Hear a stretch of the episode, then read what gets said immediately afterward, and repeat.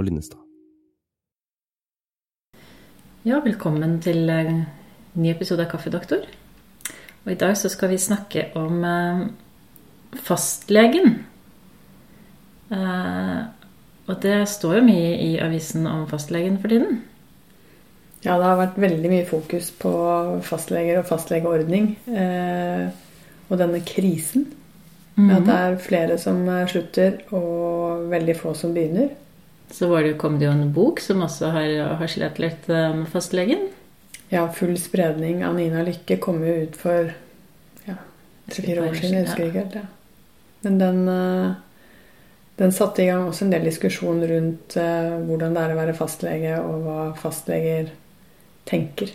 Ja. Og sier eller ikke sier. Og hva de tenker om pasientene sine. Ja. Ja.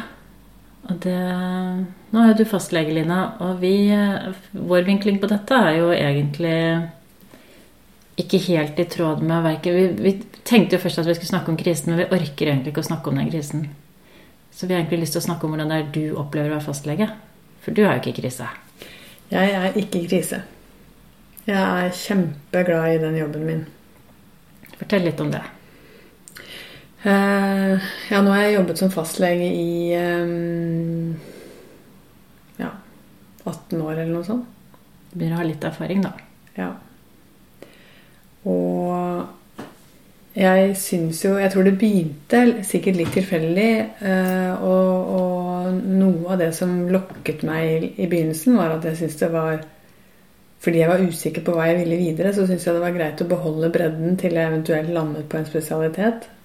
Og så likte jeg egentlig bredden så godt at jeg ikke hadde lyst til å slippe den. Eh, og det jeg tenker Man snakker jo ofte om kontinuiteten som det såkalte gullet i fastlegeordningen. Mm. Og det har jeg jo fått merke på. da. Det er jo noen pasienter jeg har kjent i 18 år. Og da har du kanskje kjent flere familiemedlemmer også, ikke bare det, den pasienten. Det har jeg. Og da, da får man en ganske god, et godt innblikk i en person når man har fulgt dem over tid og kjenner familiemedlemmene og arbeidsplassen og hjemstedet og alt rundt. Tror du du betyr mye for en del av pasientene dine? Jeg håper det. Det er jo folk som gir uttrykk for det, i hvert fall. Mm. Og det er klart at for noen så er det jo altså kanskje gamle, ensomme folk, psykisk syke, mennesker uten noe sånn stort nettverk, så, så kan fastlegen tror jeg være en ganske viktig del av den de forholder seg til. Mm. Hvordan er det med sånn i forhold til din, ditt forhold til dem? Er det sånn at du opplever at du er liksom glad i pasientene dine? Ja, veldig. Ehm, jeg tror kanskje det som er eh, kanskje den viktigste gaven jeg føler jeg har med meg ut av den jobben, er eh, kjærligheten til mennesker, rett og slett. Fordi jeg føler at eh, gjennom den jobben så har jeg gang på gang på gang erfart at folk som kommer og kanskje virker litt slitsomme eller irriterende eller vanskelige, så merker jeg jo i nesten alle tilfellene at når jeg blir kjent med dem og skjønner hvorfor de er som de er, så er det mye lettere å forholde seg til dem, og jeg blir glad i dem også. Mm. Så det, det har slått meg i veldig mange sammenhenger opp gjennom årene. Eh, Når man bare, hvis man ikke liker folk noe særlig, så er det ofte fordi man egentlig ikke kjenner dem godt nok. Det minner meg på da vi jobbet på akuttpsykiatrisk avdeling, så hadde vi en um, veldig dyktig overlege der. Han sa Det var en eller annen pasient jeg ikke fikk til, i hvert fall. Så sier han sånn Du må ikke se etter de, de, Du må ikke se på forskjellen mellom deg og pasienten. Du må prøve å se hvor dere ligner hverandre. Fordi det var på en måte nøkkel inn til både å forstå, men også komme i en god dialog og få en relasjon. Og det har jeg tenkt på så mange ganger etterpå at sånn Litt som du sier det, at hvis man liksom går litt feil på hverandre til å begynne med, hvis du greier å finne liksom en felles ståsted et eller annet sted hvor man overlapper på et eller annet vis, så får man liksom et inngang til hverandre. Og den, det, de fellesnevnerne tror jeg man kan finne med alle. Nesten alle mennesker, Mm. det tror jeg også. Jeg tenker også på det eh, i møte med andre mennesker at eh, mange jobber i mange jobber så kreves det at man har en slags fasade. eh, At man um, spiller en rolle. Og som fastlege, og egentlig mange andre typer jobber der man har med mennesker å gjøre, så er jo litt av jobben å få den fasaden til å falle, faktisk. Mm. Og jeg syns den på en måte nakenheten i møte med folk er eh, veldig fin.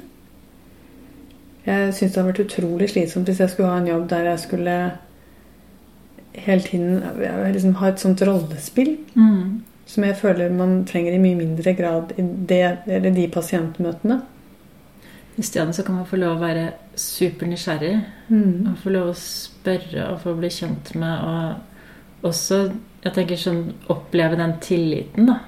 At noen faktisk vil betro noen av sine innerste ting til en. Det er en ganske stor eh, gave. Ja, veldig. Noen ganger så føler jeg meg nesten yrkesskadd, fordi at jeg, i samtale med andre utenom jobb, så kjenner jeg at jeg kanskje litt over snittet stiller spørsmål eller graver der jeg ikke skal grave.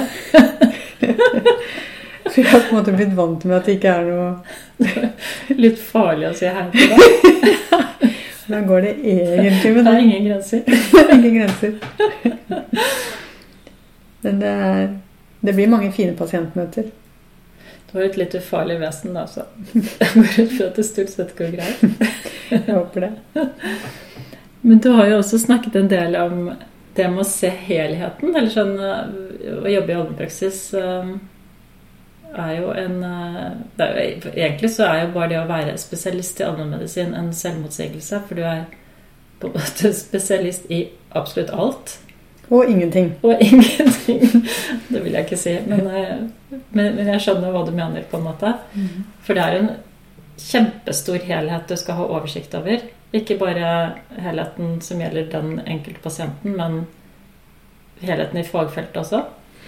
Ja, så man må jo prøve i hvert fall kunne nok. Men det er klart at i en sånn type spesialitet så vil man jo ofte kjenne på at man aldri kan nok i noen ting. Men samtidig så det som har slått meg mer og mer etter hvert som jeg har jobbet noen år i allmedisin, er jo at eh, det som jeg tenker er spesialiteten vår, er å sette sammen brikkene på et vis. Eh, Vi kan ikke mest om noen ting, men vi kan kanskje mest om å sette, sette det sammen til en helhet. Så kan dere kanskje mest om eh, hva som er normalt, tenker jeg. Ja, det er også veldig viktig. Jeg tenker, eh, tenker jo at det å greie å skille litt klinten fra hveten, som jeg føler når jeg ringer til deg og er litt hysterisk, så, så er du veldig flink til å si 'men det har jeg sett før', og vet du, 'det har jeg vært borti hundre ganger'. Eh, Fordi du har sett ting som kunne vært noe sykdom, men det er ikke det likevel.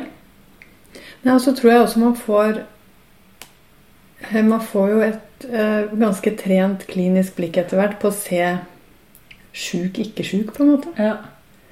Jeg husker jeg, eh, De første årene så kunne jeg synes det var sånn Hva er egentlig allmenntilstand? Hvordan vurderer man egentlig allmenntilstand? Og så får man høre at ja Se på hudfargen. Vurder kontakten. Altså og mange sånne små detaljer. Og det kjenner jeg det er mye mer automatisk i hodet mitt nå. Nå har jeg jo mye raskere blikk på mm, om noen er syke. Ja, for det minner meg litt om en historie du fortalte en gang, hvor du hadde Du hadde simpelthen sett at vedkommende var syk fordi du hadde lagt merke til hudfargen. Ja, det, det har slått meg flere ganger. Jeg husker også I pandemien så hadde vi jo noen telefonkonsultasjoner, og, da, eh, og for så vidt også litt på video, men det var det mye tull med. Men vi eh, husker jeg snakket med en pasient på telefonen hvor jeg hørte at pusten var annerledes, og hvor han egentlig ikke hadde registrert det selv. Og så fikk jeg han ned, og det var jo Da kjente jeg på hvor viktig det var å kjenne personen, altså. Ja, og jeg tror kanskje det er en av de tingene som er um, størst tap hvis ordningen forsvinner. At man, hvis man bare har engangsleger, så, så vil det ikke være mulig å fange opp mange av de tingene vi har mulighet til å fange opp som kjenner folk over tid. Men føler du på et stort ansvar? Tenk på når du jobber f.eks. med sånn teambasert sykehus, og sånn, så har du ofte mange personer som er innom pasientene. Mens uh, som allmennpraktiker så sitter du jo ganske alene. Ja, jeg kjenner mye på det. Og det er vel noe man Jeg vet ikke om jeg skal si at jeg venner meg til det, for det tror jeg ikke jeg egentlig gjør helt, det heller. Jeg føler noen ganger at jeg må holde pusten til jeg blir pensjonist. Da får du veldig annerledes hudfarge. ja, det tror jeg. Men eh, det går litt opp og ned hvor godt jeg syns jeg tåler det på et vis. For det er vel kanskje den samme følelsen, men noen ganger så syns jeg at den, det ikke er helt å holde ut. Mens andre ganger så tenker jeg at det får bare være sånn. Men da er det kanskje også noe med hva slags kollegialt fellesskap man har. Ja, og det er et veldig godt miljø der jeg jobber. Så vi har veldig mye støtte i hverandre. Vi eh, alle spør jo hverandre når vi står fast, og eh, innimellom så har vi behov egentlig for å blåse ut frustrasjon. Og da er det stort sett en ledig kollega til å ta imot det, Som har et øre. som har et øre. Og det Jeg tror vi alle sammen på kontoret føler oss litt avhengig av det. Mm. Så det Det tenker jeg er kjempeviktig. Men, ja, for det er noen som driver solopraksis, men det hadde ikke vært noe for deg. Nei, det hadde ikke vært noe for meg. Eh, Hvis du, skulle, hvis du står skikkelig fast, hva, hva, gjør man da?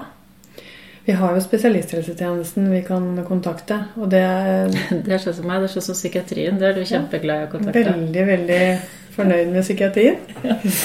Du kan jo liksom dele med dere at Lina er ikke like fornøyd med den hjelpen hun får fra der hvor jeg hører til. Så da må jeg heller ringe deg. Da ringer du meg og forteller godt at det går den veien også. Men øhm, Nei, jeg er ikke helt enig. Det, det kan vi ta i en annen episode, kanskje. episode for seg. Men jeg skjønner litt på frustrasjonen din, men det du var i ferd med å si, var jo at det er jo det som er løsningen, eller bør være løsningen, er å ringe Mm. spesialisthelsetjenesten. Ja, og det er, det er veldig fint å kunne konferere med en spesialist på sykehuset. Men det er jo ikke så rent sjelden at vi har problemstillinger der det ikke er helt klart om det er en nyresvikt eller en hjertesvikt eller en endokrin forstyrrelse, eller altså hormonforstyrrelse. Um, og, og hvor det er mer sånn sammensatte symptomer som vi ikke helt klarer å greie ut av. Og så lenge vi ikke vet hvilken spesialist vi skal kontakte, så er det kjempevanskelig. Ja, jeg føler vi mangler et lag på et vis, fordi um, sånn som det er nå, så er det jo egentlig bare allmennpraktikerne som prøver å sette sammen alle bitene. Eh, og når vi står fast og ikke får til det, så er det på en måte ikke noen å spørre. Altså, da blir man sendt liksom til nyre, og så får du svar fra nyrelegen, og så er det tilbake til deg. Ja. Og så er det å sende til hjertelegen, da. Ja, og da sender de jo ikke med, med, mellom hverandre på sykehuset. Det er ikke sånn at en nyrelege sender videre til en hjertelege f.eks. Da er det tilbake til fastlegen. Og så må vi henvise på nytt, og så er det noen måneders ventetid igjen. Det har det jo faktisk vært diskusjon om på er sånn Facebook-side med legeside. Eh, om hvorvidt man da skal sende direkte videre til neste. Men da har jo argumentet vært at nei, vi må sende tilbake til fastlegen, for ellers så får ikke fastlegen informasjonen. Vi kan jo få informasjon med begriser uansett. Ja, jeg tenkte også at det var det riktige svaret, men det viser litt om hvor byråkratisk alt er blitt, da, og hvordan man eh, Det er ikke så veldig rart at pasientene føler seg som kasteball noen ganger. Nei. Nei, Det er jo det som er utgangspunktet. Hva er pasientens beste? Og det er ikke pasientens beste, tror jeg, at man skal drive og følge det byråkratiet der. Jeg tror det er kjempeviktig at fastlegen får ha, ta del i det og være med i prosessen. Men ikke at vi nødvendigvis må være en sekretær som sender tilbake henvisning etter henvisning. Si at vi vil litt tilbake, da. Gå et par skritt tilbake når det gjelder generalisten. Ja, jeg tror det er fornuftig. At man har et lag til med en noe mindre smal spesialist. Eh, Det mangler, det mangler et lag imellom der. Startet jo egentlig opp med å si at vi ville si positivt om fastlegeordningen, og det skal vi jo holde fast ved at vi fortsatt mener at eh, fastlege, det å være fastlege er et superbra yrke, men det er også noe som truer den, da. Det er veldig mange som føler seg overarbeidet. Det er veldig mange som ikke tør å begi seg utpå det fordi det er for stort økonomisk ansvar. Og det er mange, det er mange ting som spiller inn i den diskusjonen der. Men jeg syns at i den debatten rundt fastlegekrise, så mister man litt fokus på hvor utrolig fin jobben er. For jeg er jo i hvert fall veldig, veldig glad i den jobben. Men du har jo også vært inne på, når du har skrevet om dette tidligere, for du skriver jo i Dagens Medisin av og til, og har fremhevet eh, gode ting ved fastlegeordningen, og også fått kritikk fra kollegaer for å gjøre det. Um, fordi eh, man mener det undergraver den type krisen fastlegene står i. Hva tenker du om det? Jeg, da, da, føler jeg meg egentlig litt misforstått. For jeg, Det handler jo ikke om at ikke jeg står ved mine kollegers side og øh, også ønsker at fastlegeordningen skal få hjelp nok til å stå på beina igjen. Men øh, jeg tror ikke det er noe løsning øh, å bare snakke ned den jobben. For det er jo ingen som tør å bli fastlege lenger, og da tror jeg man har mistet litt fokus på det som er essensen i den jobben. Ja, for du brukte begrepet skyte seg selv i foten'. Jeg må jo si at sånn sett utenfra så er jeg jo enig i at det kan være en passende betegnelse for hva som skjer. Fordi det er vel kanskje spesielt unge Det er jo unge, unge kollegaer vi ønsker å rekruttere. Og de står jo ofte i en situasjon hvor de har små barn og forpliktelser. Og, og da er det jo utfordrende å skulle kjøpe seg inn i en praksis når man samtidig forteller dem hvor forferdelig det er å jobbe i den. Ja, Derfor tror jeg det er mange som sitter på gjerdet og tenker at uh, dette er en jobb jeg kunne tenke meg, men jeg vil vente til det er avklart. Og i den tiden det tar å avklare det, så virker det som det er såpass mange som er gamle i gamet, som uh, faller av. Og da er jeg redd det går uh, gærent, egentlig. Og du hadde jo, jeg eh, kan huske I den artikkelen så nevnte du en eh, forskningsartikkel som hadde sett på viktigheten av fastlege Det å ha en fastlege. Ja, det var jo en eh, Hva var tallene igjen? Det var jo en reduksjon i dødelighet på Nå ble jeg plutselig usikker. Jeg tror det var 25% Eller 28% redusert dødelighet hvis man har hatt den samme fastlegen i minst 15 år. I den artikkelen så står det også beskrevet en betydelig reduksjon i eh, besøk til legevakt og innleggelse på sykehus. Jeg tror fastlegeordningen sånn som den er ment å være og har vært, eh, reduserer belastningen på resten av helsevesenet i veldig stor grad. Eh, fastleger har 80-90% av konsultasjonene i helsevesenet og bruker 5% av helsebudsjettet. Så sånn sett så er det egentlig en ganske billig ordning. Eh, sammenlignet med, med, resten av eh, systemet, holdt jeg på å si. Ja, veldig. Hvis du skulle se for deg noen mulighet for å løse denne krisen som Har du, noe, har du noen ideer om hvordan vi kunne organisere oss annerledes, sånn at det ble mer attraktivt å jobbe som fastlege? Jeg tror egentlig at det er mange svar på det.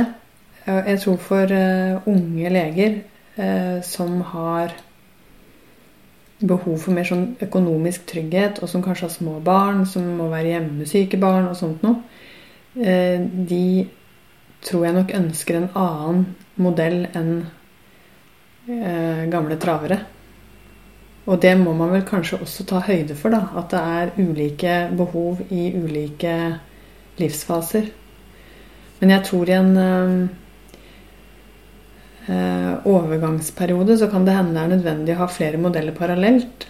Men jeg tror i hvert fall at for unge, nyetablerte leger så, så, er det nødvendig med den økonomiske sikkerheten, sånn at de slipper å liksom risikere Store utgifter og um, problemer ved sykefravær og sånn. Ja. Så det å, å gjøre det Kanskje få til en sånn hybridløsning med, med kommunal drift, men at man samtidig kanskje er selvstendig. Mm. Skal vi håpe det at den nye regjeringen da, eh, tenker i den eh, retning? At det sitter kloke mennesker oppe i eh, departementene som kan tenke riktig? Det må vi håpe på. Tenke sånn som oss, som er mm. riktig? Mm. vi har jo svarene. vi har svarene. Skal vi si at det var det for denne gangen, da? Lina? Ja, da sier vi vel takk for nå, og så krysser vi fingrene for at verdens beste jobb får bestå. Ja, det gjør vi. Farvel.